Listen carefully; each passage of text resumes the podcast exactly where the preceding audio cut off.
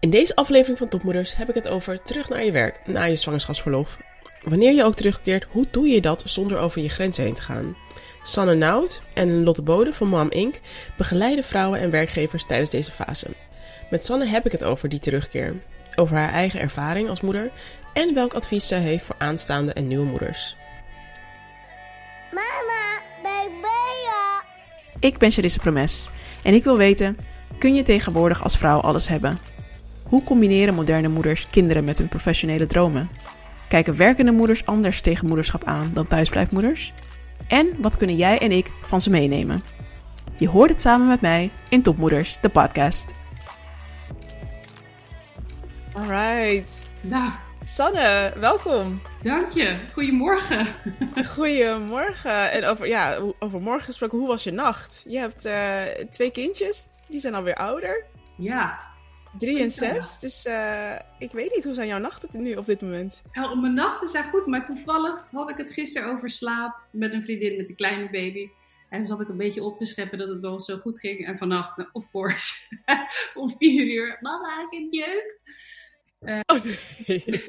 Ja, dus toen Jeuk ik ook een echt. naast me liggen die heel de nacht aan zijn voet aan het krabbelen was.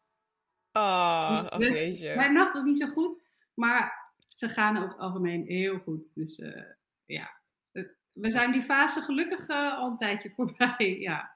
Heerlijk, nou gelukkig. Ja. Ehm, ja, we gaan het hebben over eh, ehm, weer terug aan het werk. ja, Na zwangerschap ehm, komt er een moment voor de meeste vrouwen, maar niet allemaal, dat je weer aan het werk moet.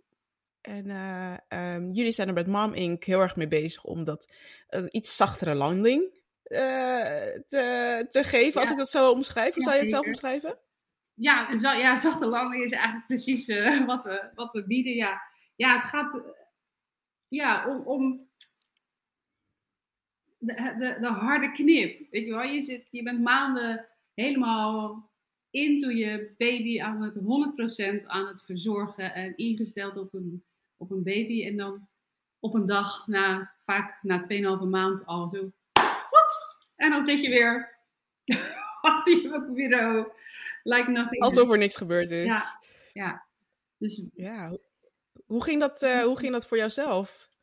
ehm, ja, nou ja, we verzinnen natuurlijk zo'n bedrijf niet als je niet zelf eh, dat nogal lastig vond.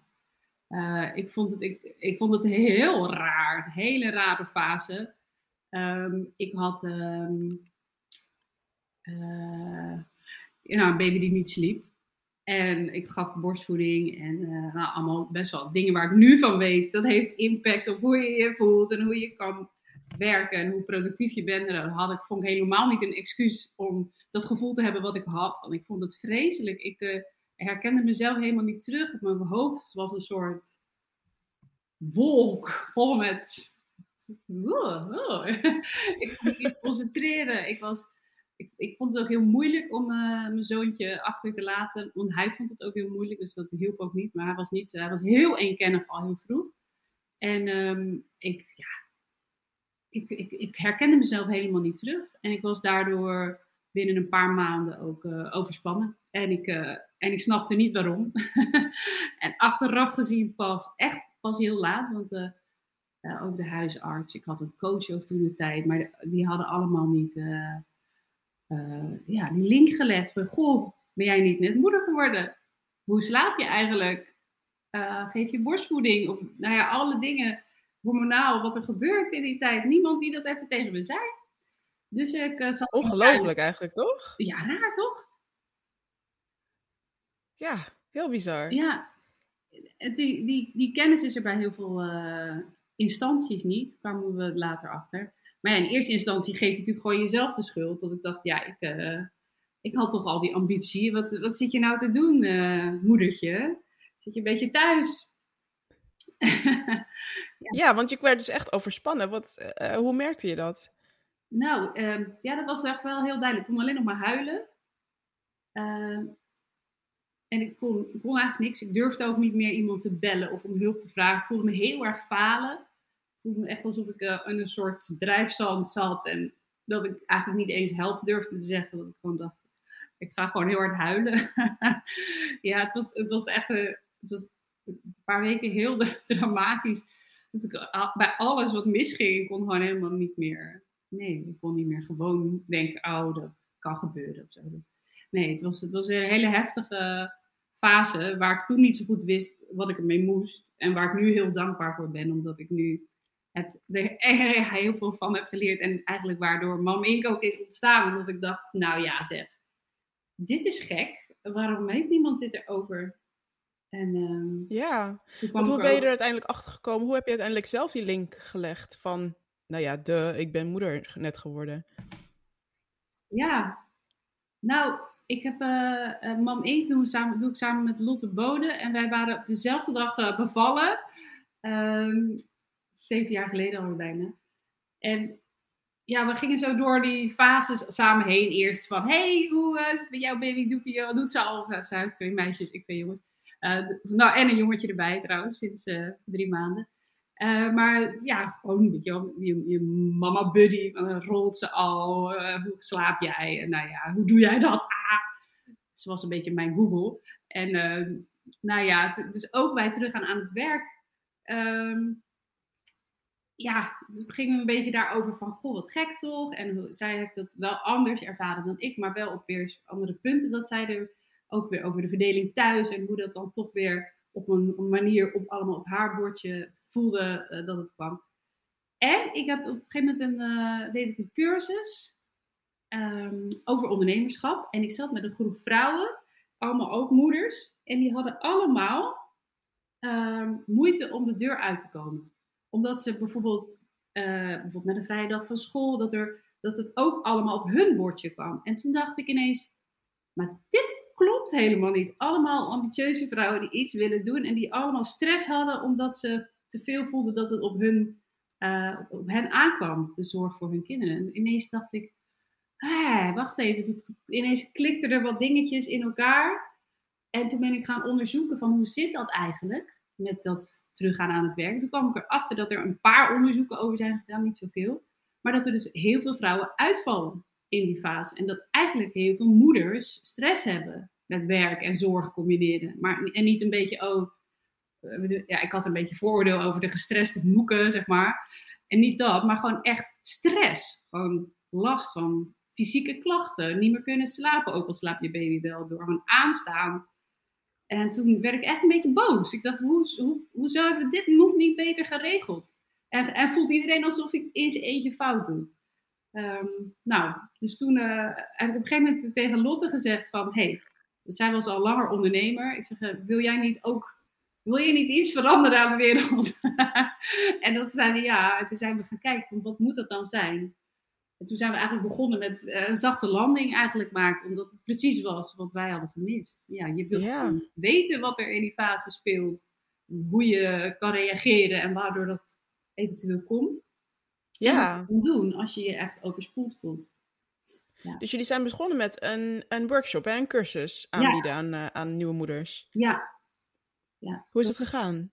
Ja, dat was, eh, we hadden een, eh, een vriendin, of we hebben een vriendin, en die heeft, die heeft een verlos, had een verloskundige praktijk. En die zei, die vond het een super goed idee, die herkende het ook, het, fenomeen en de problemen. Die zei, kom maar bij ons, kom het maar geven aan onze moeders. Dus we zijn daar gewoon, volgens mij, voor 5 euro gestart. Van, kom maar, gingen we testen in het, toen was nog voor, voor corona, net voor corona trouwens. Dus toen konden we gewoon nog eh, lekker workshop geven in een verloskundige praktijk. En dat sloeg hartstikke goed aan. Ehm, en toen dachten we, ja. Het, oh, toen kwam corona en toen hebben we hem online gemaakt. Dus toen hebben we er een eh, online cursus van gemaakt. Eigenlijk eh, in april, twee, ja, twee jaar geleden. Dus precies zo in het midden van, dacht- de- dachten we, nou ja, dit is, ja, dit is de volgende stap. Ja, Ja, en dat is ook nog een heftige periode als je en moeder bent geworden midden in de pandemie en je moet weer aan het werk en misschien thuiswerken, opvang misschien ook nog eens dicht. Dat Ja. kan me voorstellen dat het ook nog extra eh, heftig is. ja, ja je, hebt natuurlijk eh, ervaring mee. Of was je net erna? Net dat het Ik was net erna, net erna bevallen. Tenminste, in ieder geval na de piek. En uh, ja, het was onze derde natuurlijk, dus ik had daar iets meer uh, ervaring mee. Ja. Um, en ik ben natuurlijk ook zelfstandig, dus ik had iets meer ruimte om uh, te zeggen, nou dan werk ik nu niet en dan weer wel. Ja. Um, maar ik moet wel zeggen dat tijdens de zwangerschap, dat was echt midden in de piek van de pandemie, dat vond ik wel heel heftig. Want we hadden nog natuurlijk al twee oudere zoontjes en je hebt zeg maar de zwangerschapshormonen en je bent uh, aan het werk en beneden zijn er schreeuwende kinderen. En je, Ja. Dat was, Dat is wel heftig. dat was vrij heftig, ja. ja. Ja. Ja, dat hoorde, ik, dat hoorden wij veel. Dat het aan de ene kant ook wel fijn is dat je je, dat je, je kroost bij elkaar hebt. En eh, als je thuis werkt en je baby is ook nog thuis, dat je nog borstvoeding kan geven. Of als je kolft, dat dat thuis natuurlijk wel relaxter is. Maar ja, als je, zoals ik had, een hoofd vol met watten. En je zit in je, je zolderkamer of in je slaapkamer achter je bureau. Oké, en nu? Ik moet nu weer beginnen. Oké. Ja, en er is niemand dan om je heen, ja.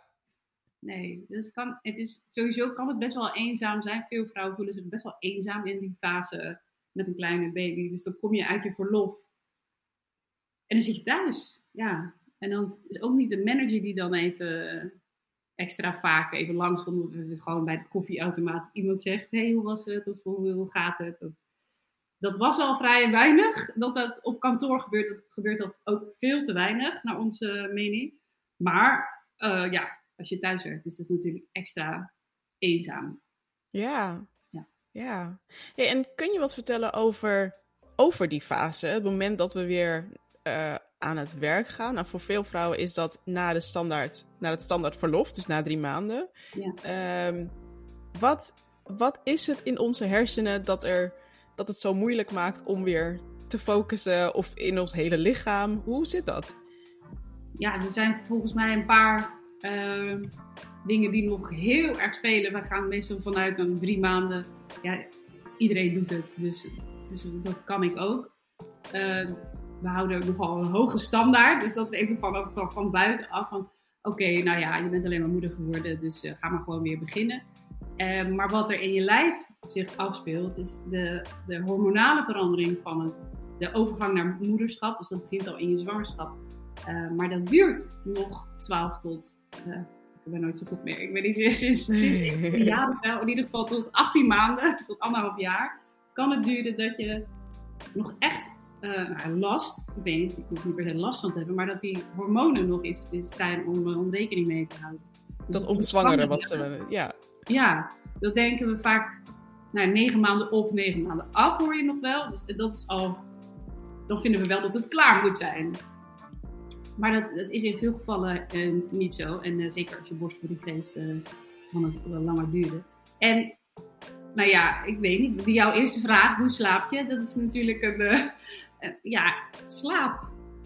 Slaap is zo essentieel in hoe je je voelt, in wat je kan hebben, in je weerbaarheid, in je emotie, in, maar ook als je slecht slaapt in je nou ja, angstgevoelens, depressieve gevoelens als je daar al een beetje aanleg voor hebt of uh, uh, stress, nou ja, dat, dat, kan, dat vergroot zich heel erg uit onder slaaptekort. Dus het is, en concentratie, ik weet niet. als je denkt, nou ja, ik ga nu wel even weer mijn stuk, mijn inwerkstukken lezen, maar je hebt niet geslapen. Eh, ja, hoe dan? Dat zijn van die dingen. Maar ondertussen vinden we toch eigenlijk wel dat we het gewoon moeten kunnen. Ja. Dat zijn maar... al ja, sorry. Vinden, ja, vinden wij dat? Of wordt ons dat soort van opgelegd? Zo van, ja, maar zij doet het ook, dus dan moet, dan moet ik het ook kunnen. Ja, ik denk voor een groot deel komt het omdat we het er niet over hebben. Uh, het effect van, van al deze dingen. En, en zeker in die eerste maanden na je, na je verlof, dat het nog zo opspeelt. Uh, en nou ja, ik weet het niet, maar bij mij, ik heb daar nooit echt uh, over gehoord. Uh, totdat ik er echt naar, specifiek naar ging vragen. Dan hoor je, oh ja, ja, ik vond het best wel pittig. Dus het is zo'n beetje een taboe onderwerp op een of andere manier. Um, en ook iets wat je in je eentje oplost. Terwijl iedereen er last van heeft. En er gaan per jaar 100.000 vrouwen bevallen er. En volgens mij in deze coronatijd was het nog echt een enorme piek. Dus ja, het, het, is, het zit in ons eigen hoofd dat we dat moeder worden is niet meer een soort enorm ding. Dat is gewoon iets, dat doe je even en in je zwangerschap is het, hoe, oh, wat ben je mooi en succes en veel geluk. Nou, baby is eruit. Misschien nog een, dagje op je werk dat je komt, dat je collega zegt, oh, oh, schattige baby, oh, hoe gaat het? Welkom terug. Nou, kopje koffie, misschien nog een taartje voor wat te vieren. Hier is je to-do-lijst. ja, zo fijn dat je weer bent. En door. druk. ja, en ja, ga dan maar eens zeggen, oh, wacht even. Ehm, ik, ik, ik doe het even rustig aan. Of eh, dat, dat is heel moeilijk om te zeggen. Ja, ja. In wat sectoren waar de druk natuurlijk ook heel hoog is. Dan ben je er gewoon uit geweest. Ja. Ja. Ja, ik weet nog ehm, eh, bij ons eerste, volgens mij was ik toen ook na vier maanden, dat ik dacht, oh, dat is super knap dat ik er een maandje bij heb gedaan. Daar was ik helemaal blij mee. Na vier maanden was ik weer aan het werk. Ehm, en ik weet nog, ik denk dat een maand of twee maanden nadat ik weer aan het werk was, ehm, werd ik eh, bij mijn baas geroepen. En ik, eh, ik schrijf voor, eh, voor mijn brood. Dus ik ben eh, teksten aan het schrijven, woorden en zinnen aan het samenstellen. Nou ja, als je inderdaad dus niet hebt geslapen, kan dat soms een beetje misgaan. Dus ik werd eh, geroepen bij mijn baas en zei, ja, ehm, eh, is er wat? En ik dacht, is er wat? Zei, ja, je, ja, je hebt je één keer ziek gemeld en dezelfde maand nog een keer ziek. Ik was gewoon totaal moe, geloof ik. En ik dacht, ja, wat, wat is dit nou? Ik ben nooit ziek. Ik meld me twee dagen ziek en meteen is er dan wat. Ik voelde me heel erg aangevallen. Dus ik weet Oh, niet ja. of het zo was bedoeld. Maar ik dacht echt, nou, wat is dit? En ik ben heel hard aan het werk. En ik, eh, eh, ik sta gewoon in een ochtenddienst om vijf uur eh, Oh, op het werk. Ja, want zo na een nachtvoeding kon ik zo hup, de Oh. douche in. En daarna... Want er werd geen rekening mee gehouden. Hè? Het is gewoon, oh, je moet een ochtenddienst draaien. Nou, dat, dat moet kunnen. Ehm, en dat dacht ik ook. Dat moet kunnen. Ik dacht, ik moet gewoon... Ik moet gewoon mijn werk goed kunnen doen. Ik moet gewoon rustig die ochtenddienst om vijf uur kunnen beginnen. Of in ieder geval de deur uit kunnen gaan om vijf uur. Dus allemaal verwachtingen die of van mezelf of van de werkgever, ja, die gewoon niet matchten bij wat, bij wat nou, bij de situatie, bij hoe het in de praktijk eigenlijk echt lag. En ik vraag me eigenlijk af hoe, wat merken jullie van eh, die werkgeverkant? Want uiteindelijk hebben jullie eh, eh, gezegd, nou, we hebben een mooie cursus voor de vrouwen, maar eigenlijk moeten de werkgevers iets gaan veranderen. ja. Dus wat merken jullie bij hun? Ehm, nou, veel werkgevers weten niet zo goed dat het ten eerste dat het zo'n ding is. Of dat weten ze wel, maar niet in relatie tot werk. En al helemaal niet tot hun functie. Bijvoorbeeld een manager eh, die ik laatst sprak, die zei... eh, ja, mijn deur staat altijd open. Ik, ben gewoon... eh, ik heb altijd een goede relatie met mijn medewerkers. Het is niet... oh, ja, ze, komen, ze kunnen gewoon binnenkomen als ze willen. Maar wat jij schetste al, als het niet, ja, je, je denkt ook gewoon, oh ja, ik, ik, dit wordt weer van mij verwacht. Dus je gaat niet van tevoren zeggen, eh, nou die vijf uur, eh, dat, ga, dat doe ik niet meer. Want ja, je hebt al die verlof gehad en nee, je hebt al een maand extra, die hoor ik zo vaak. Nee, maar ja, ik heb al een maand extra. Alsof je dan een soort, alsof het een eeuwigheid is dat je er niet bent. Alsof je echt totaal eh, een jaar of jaren van de aardbodem bent verdwenen. Dus je moet wel weer echt even gaan bewijzen dat je er bent. Dat is meer het gevoel wat er in de medewerkers zit, in de vrouwen. En die manager denkt, ja, ik hoor niks. Dus zal wel goed gaan totdat, totdat er een ziekmelding komt. Of totdat er zoveel fouten in het werk zitten. Of ineens een huilende vrouw eh, naast je staat. Of aan de, aan de Zoom. En eigenlijk is het dan een beetje te laat. Want dan, ja, dan ga je het gesprek vanuit een soort, oh help, ik kan niet meer. Uh, dus wat, wat wij proberen is die manager en de werkgevers te helpen. Van, ga dat gesprek nou van tevoren aan en maak het echt helemaal open. Dus wat is nu voor jou goed? Um, hoe start je weer met werken? Heb ja, daar ook echt aandacht voor en vraag ook door. Van niet alleen haha, je hebt zeker niet goed geslapen, want je hebt kleine kinderen, hoort erbij. Of hormonen, ja. nee, ja, heb je er last van? Ben je moe? Als je moe bent, neem probeer die ruimte te pakken en zorg ook als manager dat je die ruimte biedt, echt. En niet een soort halve, ja, ga maar slapen als je het nodig hebt. Nee, ga echt kijken, wat kan je dan even laten liggen? hoe gaan we dit op een goede manier inrichten? En volgens mij is er daar heel veel te winnen door gewoon te vragen: wat heb jij echt nodig? En ook de cijfers en de ervaring vanuit, het, vanuit, vanuit ons of vanuit als manager daarbij te halen. Dus het is niet jij, jij moedertje, jij kan het niet aan, dus ga maar lekker een dutje doen. Nee, dit is een fase waarbij je dingen nodig hebt. En jij bent je eigen, ja, wij houden een beetje van de vergelijking met het leiderschap in ouderschap. Neem ook die verantwoordelijkheid voor jezelf en zorg dat je doet wat je nodig hebt. En dan, ja, dan kan je dat ouderschap ook gebruiken. Dan word je supergoed ook in je grenzen aangeven. Dan word je beter in je werk. Zit je veel beter in je vel, ook thuis. Ehm, en dat, ja, je hebt het eigenlijk niet zo heel lang nodig dat je daar extra aandacht voor hebt. Die fases gaat ook weer zo voorbij. Ja, dus, maar ik denk ook dat het de angst is van, zoals je inderdaad zegt van ja, ik ben inderdaad al een maand extra. Of dat je misschien al minder productief bent omdat je gewoon slaaptekort hebt. Of eh, je, je gedachten zijn ergens anders. Dus ik denk dat je inderdaad die, die verplichting naar je werkgever voelt. Of opdrachtgever, of hoe je ook werkt. Van ik moet me nu inderdaad wel bewijzen. Dus Ehm, ik denk dat het daarom heel lastig is om te zeggen, nou, ik heb dit nodig. Dus hoe, ja, hoe, doe hoe kun je daar, ja, hoe doe je dat? Ja, ja wij proberen met, met die cursus die wij aanbieden via werkgevers, dus dat is voor ons essentieel eigenlijk dat um, een werkgever zegt, hey, je bent net moeder geworden, hier heb je een cursus, dan kan je even nadenken over wat jij echt nodig hebt, want meestal gaan we vanuit voep, voep, voep, zorg naar voep, voep, voep, voep, werk. En heb je niet eens, sommige moeders die wij spreken, hebben niet eens een half dagje of een uurtje voor zichzelf gehad. Die gaan gewoon gelijk door met werken. Dus je hebt niet eens de headspace ervaren om weer even, oké, what happened? hoe gaat het met mij? Wie was ik ook alweer? Uh, hoe wil ik dit eigenlijk gaan doen? Dus met onze cursus bieden we dat stukje, gewoon even reflectie. Van hé, hey, uh, het is nogal wat.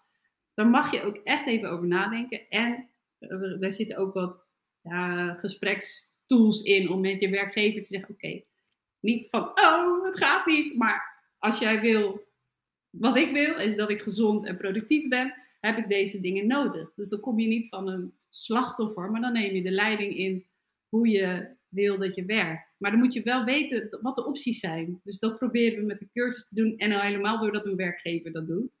Want die kan dan ook denken, oh kijk, uh, er, zijn dingen die, er zijn dingen die ik kan doen. Uh, dus hoe gaan, we dit samen, hoe gaan we dit samen goed doen? Mooi, dat je er echt een win-win situatie van maakt. Ja, dat is het ook. We voelen ons vaak zo schuldig. Maar eigenlijk is het... Nou ja, ten eerste ben je altijd eerst voor jezelf. Hè? Je moet altijd goed voor jezelf zorgen. Anders kan je niet voor je kinderen zorgen. En kan je ook niet voor je werk zorgen. Dat, dus dat, Precies. Alleen, we vergeten dat. het is een heel moeilijk principe. Um, blijvend volgens mij. Maar ja, uh, ja, door dat aan jezelf te werken en wij helpen dus werkgevers om dat ook te beseffen, ja, dan hopen we dat we daar een stap in kunnen zetten. En dat geldt voor het moederschap en dat geldt natuurlijk voor heel veel dingen. Uh, ja, werk en privé liggen nou eenmaal niet zo zwart-wit uit elkaar. Dus het is, ja. Nee. nee, ik had het in, in een van de vorige afleveringen met de ondernemer Dina Ziad. had ik het erover. een indrukwekkend verhaal heb je nog niet beluisterd? Ga hem voor eens verluisteren. Uh, maar we hadden het inderdaad over de vraag: hoe gaat het echt met je? En de, zij had het heel erg over. We zijn steeds harder aan het werken aan een inclusieve maatschappij. Dus qua gender, qua leeftijd, qua um, um, uh, of minder uh, valide. Um, maar we, we, vergeten dat hele moederschap. Iets wat zo natuurlijk is. We hebben geen. Um, we hebben genderneutrale wc's, maar geen kolfruimtes bijvoorbeeld uh, in openbare ruimtes. Dus dat hele moederschap, dat wordt echt. Ver, nou, niet vergeten, maar het moet van vanzelfsprekend aangenomen. Ja. Zo van je vogelt het wel uit ik, ik kan er niet meer mee eens zijn. Hoe zeg je dat? Ik ben er mee eens. ja, ja. ja ik, en dat moederschap, wat in mij, dat zeg ik ook heel vaak, is een beetje mijn stokpaard, ik weet niet, daar kan ik me echt boos op maken, dat we het ook het moederschap vergeten in het emancipatiegesprek. Dus uh, ja, we hebben het over gelijke rechten, verlof moet gelijk getrokken. En daar ben ik helemaal voor, hè, want ik vind dat vaders als vaders een grotere rol kunnen pakken al, al aan het begin, ja, dan, dan, dan helpt het de moeders om daarna hun werk weer goed op te pakken en om het huishouden ook uh, gelijk te verdelen. Want dat is ook nog een ding, ja, het, is nog zo, het valt zo op de schouders van de moeders. En um, ja, blop. maar in, in dus met het hebben van gelijke rechten heb je niet de gelijke behoeftes. Dus je kan, dan lijkt het wel, nou, dat is, we hebben het uh, gefixt. We hebben verlof. Um, maar daarna, uh, we kunnen ook zeggen, er is gratis kinderopvang. Of uh, we moeten, vrouwen moeten meer gaan werken. Maar ik werd persoonlijk heel erg overvallen door het gevoel, ik wil voor mijn kind zorgen. Ik dacht van tevoren niet van, ik, iemand vroeg naar mij, ja, hoe ga je dat dan doen als hij er is? Hoeveel ga je werken? Dacht ik, uh, een stomme vraag. Ik hou gewoon van werken, dus er gaat niet echt iets veranderen. Nou, ik wist niet wie, ik kon mezelf helemaal niet meer in de spiegel aankijken. Wie ben jij? ik ga helemaal nooit meer werken, dacht ik. Ja. En dat, is natuurlijk, dat was ook maar tijdelijk. Maar het is die behoefte, die, die, voelde, die heb ik nooit teruggehoord in dit de emancipatie of het, het, feministische debat over werk en uh, ouderschap. Het gaat om gelijke rechten, maar wat zijn de behoeftes eronder? En ik, ja, ja, ik vind dat we daar wel wat meer over mogen hebben. En dus daarin ook um, ja, hoe we moederschap waarderen. Want we vinden dat blijkbaar niet zoveel waard. Want het voelt een beetje, veel vrouwen voelen een beetje minder waarde. Als je zegt dat je minder wil gaan werken oeh, ja. Um, ja, daar kan ik dus ook heel boos om worden. Dat vrouwen inderdaad zeggen, oh ja, ik, kon ik maar huismoeder worden en zich daar dan schuldig over gaan voelen. Zo van, ja. oh nee, nee, dat, dat kan natuurlijk helemaal niet. Dat is natuurlijk heel gek als ik alleen thuis wil zitten met de kinderen. Ja. Terwijl het heel normaal is. Ja, het is natuurlijk, je, je levert een enorme bijdrage aan de samenleving. Het is, ja, uh, nee, ik, ik bedoel, we hebben nog steeds, we, we degraderen het een beetje. En eigenlijk vind ik dat het juist door dat stukje leiderschap erin te leren van hey, je geeft leiding aan je gezin misschien, of dat doe je samen, je leert samenwerken, je bent empathischer, je weet wat mensen nodig hebben, je leert grenzen stellen, want je, ja, je, je grenzen worden continu getest met kinderen. Er zijn zoveel uh, eigenschappen of kwaliteiten die je, die je juist ontwikkelt in dat uh, ouderschap. Uh, dat ik denk, nou laten we juist zeggen. Laatste hoorde ik een podcast met Tony, over Tony Chocoloni van Meindert, uh, nou, een vadercoach. Tony Chocoloni geeft een bonus van 1000 euro als je een kind krijgt. Want je bent geüpgrade als mens. Wauw. Dus niet als je geen kinderen hebt dat je dan niet kan upgraden. Maar ja, die zien gewoon dat, je ook, dat er ook een goede kant aan zit. Ja, daar ben ik echt helemaal voor. Wauw, zeker. Goed hè? Ja, hey, en jullie hebben net ook een hele toffe samenwerking met Rituals uh, afgesloten. Uh, wat, gaan jullie, wat gaan jullie samen doen? Hoe gaan jullie dat insteken? Super trots. Nou, we doen een pilotprogramma dat heet Welcome Back Mom. Zij willen alle vrouwen die terugkomen van verlof, uh, ja, daarin ondersteunen. En daar hebben wij een programma voor ontwikkeld.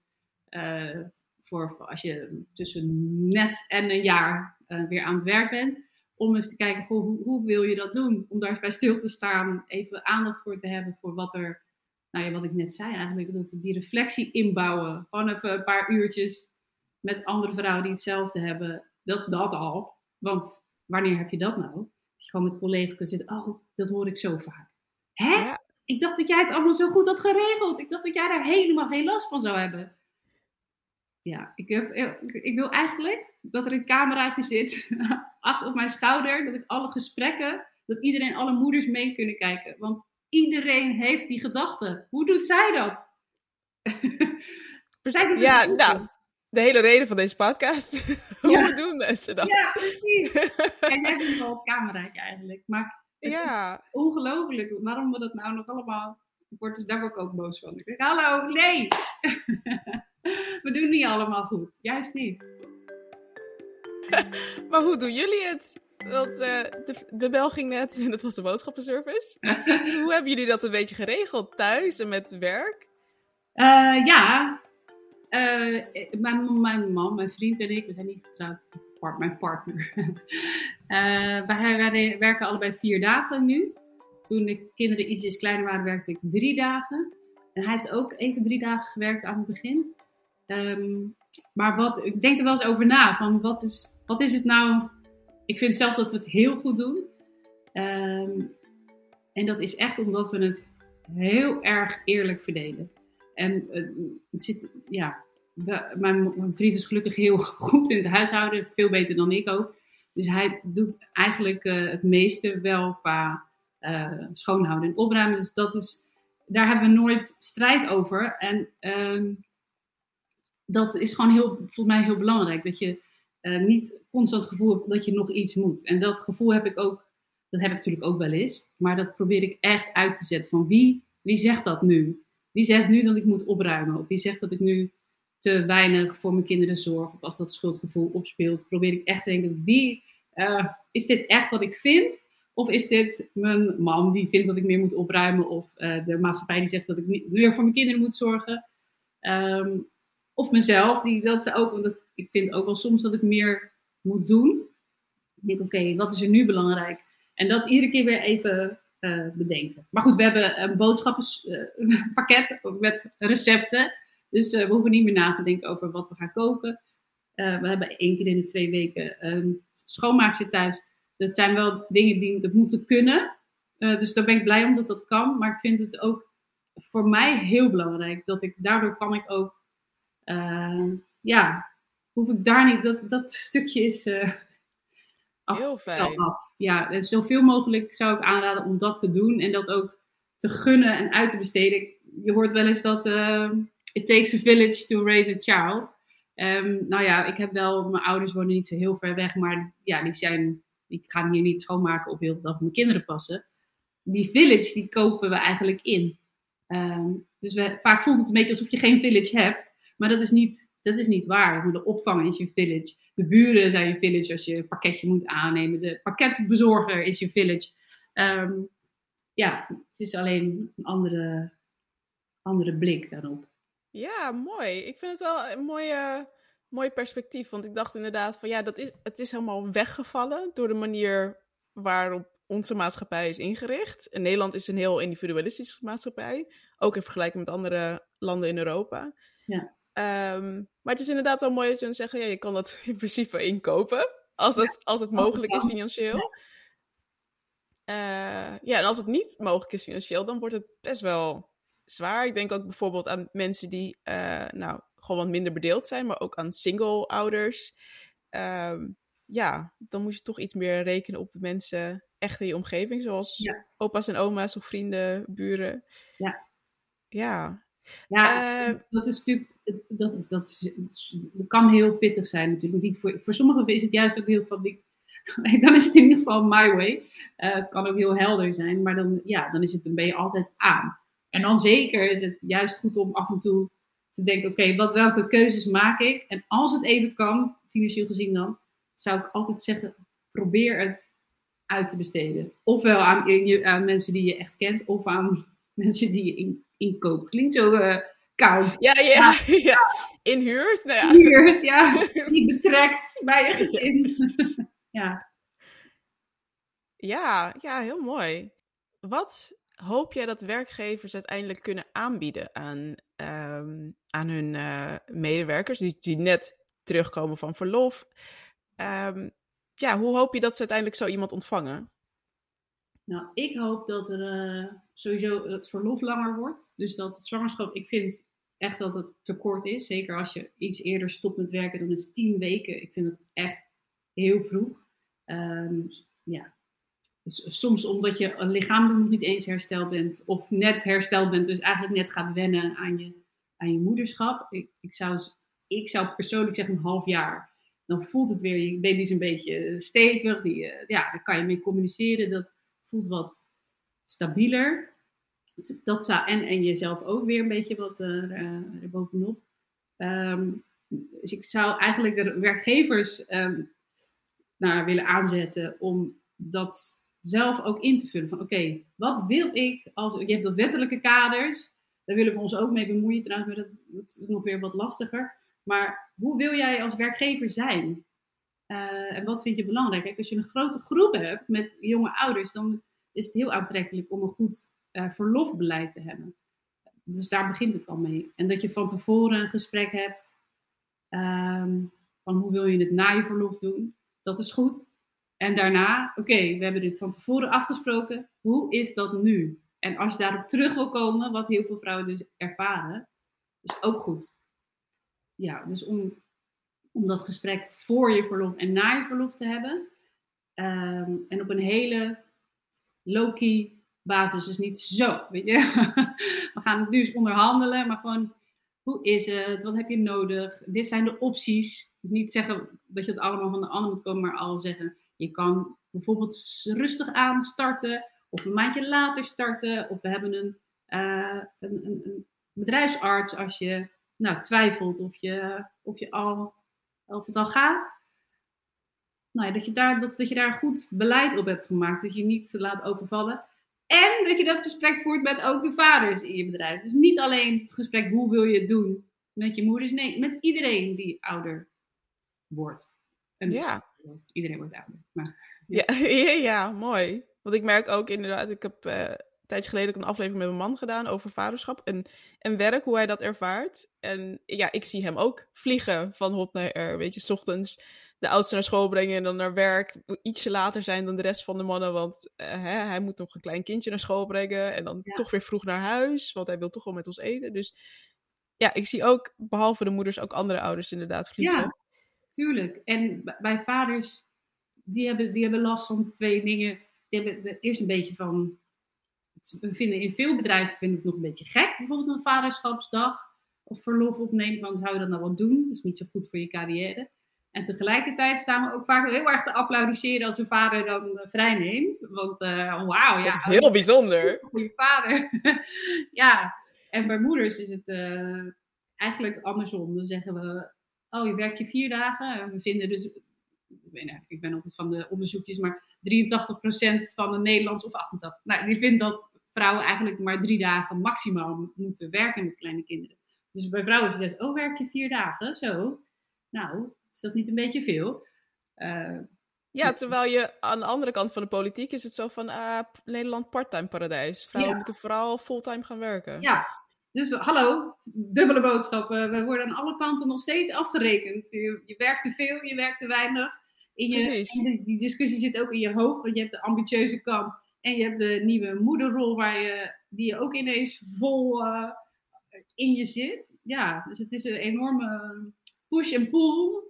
Er is een hele mooie video van Alexandra Sachs. Ik weet niet of je die wel eens... Uh... Oh, nee, ken ik niet. Dus echt, ja, die was voor mij echt een eye-opener. Dat gaat over de matricentie, een mooi woord, voor de overgang naar het moederschap. En de hoeveelheid hormonen die daarbij komt kijken, die gelijk staat aan eigenlijk puberteit. Laat wow. even zien hoeveel er eigenlijk gebeurt in die korte tijd. Want puberteit doet een paar jaar. Maar matricentie gaat even in die negen maanden vloep naar moederschap. En dat trekt de moeder naar binnen, zorgen en thuis. En, uh, maar tegelijkertijd heb je natuurlijk ook gewoon nog je oude zelf. En die wil naar buiten, die wil weer stappen met je vriendinnen, die wil carrière maken. Die, dus die, dat conflict zit in onszelf en ook nog eens in de maatschappij, omdat we nogal wat meningen daarover hebben. Dus het is, uh, ja, dat is ook echt een, een, een, strijd die er constant in jezelf uh, plaatsvindt. Mooi. Nou, als ik de video vind, dan doe ik hem in de link ja, in de show notes. Talk van Alexandra Sachs. Echt mooi, mooi, ja.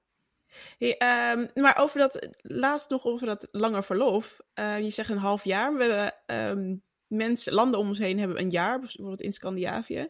Zou jij dat aanmoedigen, een jaar verlof? Niet verplicht, maar in ieder geval dat die mogelijkheid er is? Ja, ja.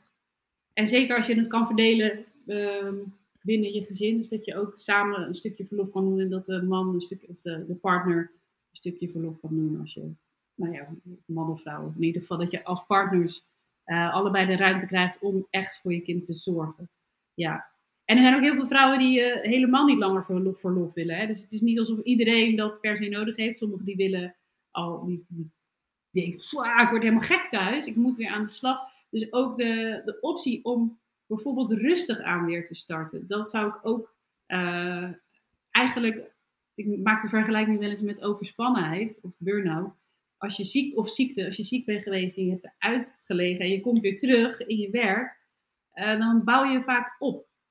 En dan wen je weer en dan krijg je eerst kleine taken en, en dan vraagt iemand heel vaak, hoe gaat het? Moeten we nog dingen aanpassen? En ik zou echt zeggen dat het na zwangerschap, je hebt een enorme, nou ja, die matricentie, je hebt een enorme verandering doorgemaakt, fysiek en mentaal. het begin, doe dat ook. Bied dat als werkgever aan. Zeg, je komt eerst een halve dag en je bouwt het op en we checken of dit goed gaat. En dan kan je bij wijze van spreken met tien weken of met, met, met acht weken dat al doen. Want dan kan je heel goed blijven voelen, is dit oké? En ehm, dus of, dat, of je daar behoefte aan hebt om dat na acht weken te doen of na een jaar. Ik vind dat we daar best wel wat flexibeler in mogen zijn. En eh, je, eigen, uh, ja, je eigen behoefte daarin volgen. Plus, ja, en dat is natuurlijk altijd een lastige discussie, de waarde voor je kind. Wat vinden we ja, het is ook een investering in, je, in, je, in, in, de, in, de, in de kinderen die we op land ook willen opvoeden. Ja. Niet dat, het slecht is, dat we het nooit zeggen om je kind naar de opvang te doen. Maar ik denk dat het ook niet slecht is om, um, om als ouders te, langer voor je kind te kunnen zijn. Om die ja. basis uh, te kunnen voorzien. Ik ben helemaal voor. Ik ben helemaal om. Ja. Sanne voor president. ja. Uh, yes, ik, uh, ik wil met je afsluiten met een, drie vragen. Oké. Okay. En de eerste is, wat is jouw grootste mother En of dat wel jouw grootste onaangename verrassing van het moederschap? Nou, ja, die slaap. Ja. Echt een motherfucker. Zo, dat is echt gewoon... Oh, slaaptekort. Het is gewoon gemeen. is gewoon gemeen. Ik zei, ik zei ook, ook wel eens van zonder slaaptekort was het eigenlijk allemaal prima. Ja, dat is heel tien maar. nee, ja, slaap. Ja. En wat is jouw uh, breekijzer? Waar breek je van als moeder? Oh, alles. Alleen deze vraag al. ik, ben echt, ik ben gewoon een zeef geworden. Ik kan al, ik weet nog wel dat ik in de McDonald's reclame van die, van die ouders, ik weet niet wie die weet, die ouders die voor het eerst de oma komt oppassen op opa en de ouders gaan voor het eerst uit eten. Maar dan, dat kunnen ze niet. En dan gaan ze langs de McDrive. Sorry. langs de McDrive en halen ze. Dan gaan ze voor het raam McDonald's op zitten eten. In oh ja, ja. Huilen. Dat echt, ja. Ja, ik vond dat heel. Ik vind dat soort dingen. Dat, ik kan, uh, als het over kinderen gaat, eigenlijk altijd huilen. Ja, ja het, is, het is toch een zwakte plek dan, hè? Echt? Ja, ze zeggen wel hè, dat je hart uh, op, je, op je draagt in plaats van uh, in je. Ja. ja. Dat, maar ik vind dat ook alleen maar heel cool eigenlijk. Ja, zeker. Ja. hey, en um, jullie doen het thuis supergoed. Maar ik ben gewoon heel benieuwd, wanneer was jouw laatste Mom of the Year Award moment? Dat jij dacht, nou, dat heb ik echt wel even gedaan. Uh, nou ja, ik weet niet, wat, ik denk een tijdje geleden was het zo'n zo regenachtige zondag met twee hele zagrijnige, mooie kinderen. En uiteindelijk hebben we volgens mij echt zo'n classic man, koekjes gebakken. En uh, met een muziekje op en zaten ze hier te, de koekjes te uh, versieren zo. En ja, dat is nog, voor mij een beetje een ideale moederbeeld. Uh, dat je op zondag koekjes bakt, wat ik echt eigenlijk nooit doe. ik kom daar nooit aan toe, plus heb ik nooit zin. Maar nee, nee, nu.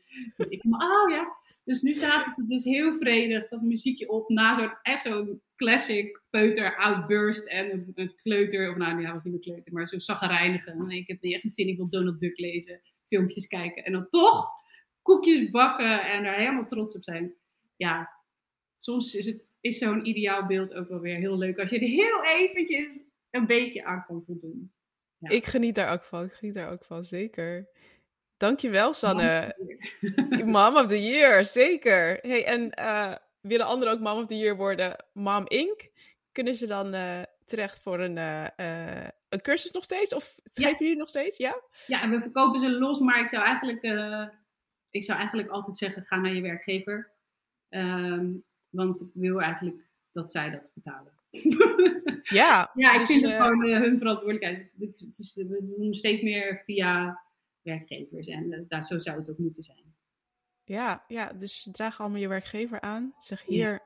Mam Inc. fixt het wel. En dan uh, ja. hopen we dat we gewoon een, een, zachtere landing hebben na dat verlof. Iedereen, voor alle ouders, een zachtere landing. Ja, zeker weten. Mooi. Dankjewel, Sanne. Jij ook. Thanks. Het gesprek met Sanne bracht me terug naar mijn eerste zwangerschapsverlof. Hoe ik, maar ook mijn werkgever toen, hadden onderschat hoeveel moederschap mijn werk zou beïnvloeden. Daarom vind ik het ook mooi dat zij het woord leiderschap hierin noemt. Dat jij als moeder zelf mag vragen om wat je nodig hebt. Dat zal niet altijd even makkelijk gaan, maar als het lukt, als je krijgt wat je nodig hebt om te presteren, is dat toch een win-win situatie voor iedereen. Vond je dit een leuke aflevering? Laat een review achter, stuur me een DM via Instagram, @charissapromes, of deel deze aflevering met iemand die dit moet beluisteren, zoals je werkgever bijvoorbeeld. Tot de volgende!